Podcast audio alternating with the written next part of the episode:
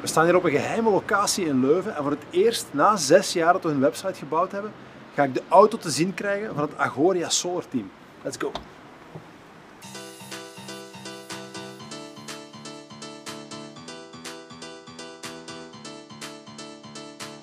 Hey, dag Jari. Dag Joost. Hey. Welkom in de werkplaats van het eh, Agoria Solar Team. Ja. Dus, eh, Ik denk dat er veel mensen zijn die jullie nog niet kennen, dus misschien een korte introductie. dus het Solar Team is een team van ingenieurstudenten. En met dat team gaan we eigenlijk om de twee jaar een nieuwe zonnewagen gaan bouwen. Ja. En met die zonnewagen doen we dan mee aan internationale races en gaan we tegen andere teams gaan, gaan kijken wie de beste is. En eh, proberen we zo ieder jaar toch wel te winnen. Ik heb er al veel video's van gezien, maar ik heb hem nog nooit in het echt gezien. Hè. Ik wil hem eens aanraken.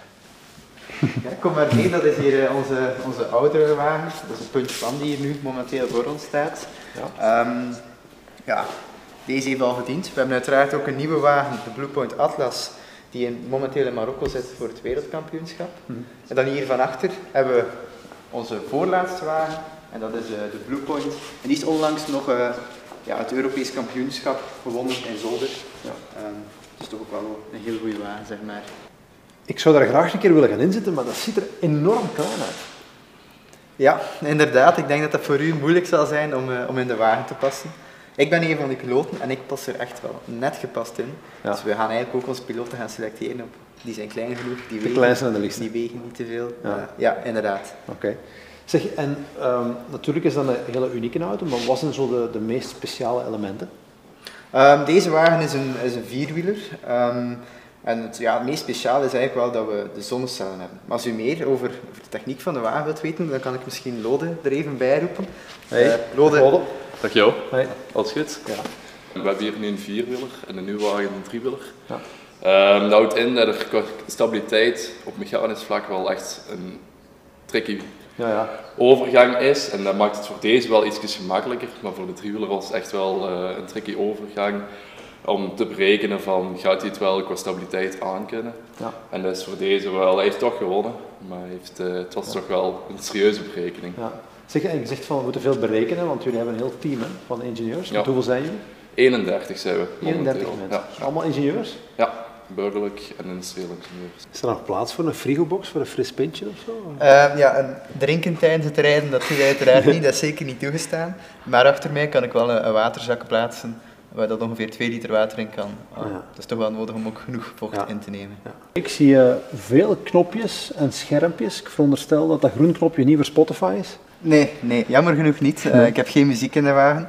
Dus ja, met het stuur heb ik alles binnen handbereik om de wagen te controleren. Dus ik geef hier gas met dit hendeltje. Dan met mijn linkerhand kan ik remmen. Ehm, en op het stuur kan ik dan de snelheid instellen. Ja. Dus eigenlijk is het ook een soort van cruise control die ingebouwd wordt, waarop dat ik eh, de setpoint snelheid instel en dan rijdt hij op die snelheid. En je zit verbonden met een andere wagen die volgt soms. Ja, inderdaad. Dus op zo'n internationale race rijden de brains achter ons. En die geven dan eigenlijk via de communicatie door aan mij hoe snel ik mag rijden. Dan stel ik dat in en dan voer ik Ja. eigenlijk gewoon uit. En waar houden ze overal rekening mee? Ehm, ze gaan gaan kijken ja, hoeveel energie er binnenkomt van de zon, eventuele wolken die zouden passeren, eh, uiteraard ook met het wegdek. Ehm, en zo is er eigenlijk een programma dat constant berekent wat dat de optimale snelheid is van de wagen. En dat wordt doorgecommuniceerd naar mij en dan moet ik die snelheid proberen rijden. Ja. Uiteraard, bij gevaarlijke situaties mag ik dan wel zelf kiezen als het nodig is om te vertragen. Dan doe Ja. ik dat uiteraard. Ik heb de video gezien van eh, de race in Australië. En op een gegeven moment met Bert Longin als piloot eh, dacht ik dat er een soort windhoos was. Hè. De auto spint. En toen dacht ik van, ziet er wel cool uit, maar hoe veilig is die auto eigenlijk? Ja, dat is waar. Ehm, de wagen zelf is eigenlijk redelijk veilig. Ja.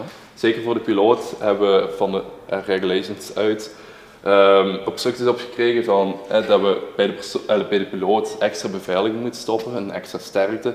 Zodat zeker de piloot in alle tijden, zeker bij bepaalde krachten die erop zitten, Ja. beveiligd blijft. Ja. Kan die auto kantelen? Eh, nee, dat is erop gesimuleerd en berekend. Natuurlijk in uiterste gevallen zou het wel natuurlijk kunnen, maar In principe kan dat niet gebeuren. in principe niet. Nee.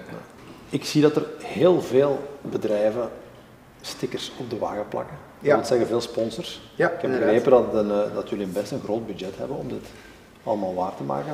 Zeker, zeker. We hebben dat budget ook nodig. Eh, de kostprijs van zo'n wagen is wel duidelijk boven een gewone wagen. Eh, we werken ook met nieuwste materialen. Dat zijn ook Ja. meestal de duurste materialen. En daarvoor vertrouwen wij op onze sponsors die dit mogelijk maken. Ja. Dus een wagen bouwen zonder sponsor zou voor ons niet mogelijk zijn. Uh, dus we zijn die natuurlijk heel dankbaar en die krijgen dan ook een mooi plaatje op onze wagen. Ja. Zeg, en, en wat doen jullie nog met sponsors? Geven jullie feedback op, op sommige materialen? Of? Het gebeurt af en toe dat een sponsor eh, een technologiesponsor is, zeg maar, en die heeft iets nieuws van technologie.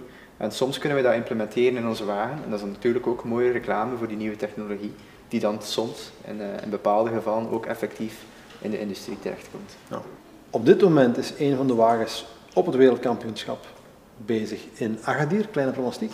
Ja, sowieso winnen. Eh, voor minder gaan we het niet doen. Ja. Maar eh, vrijdag gaan we dat zeker weten als dat gelukt is. Alright, succes. Dank u wel.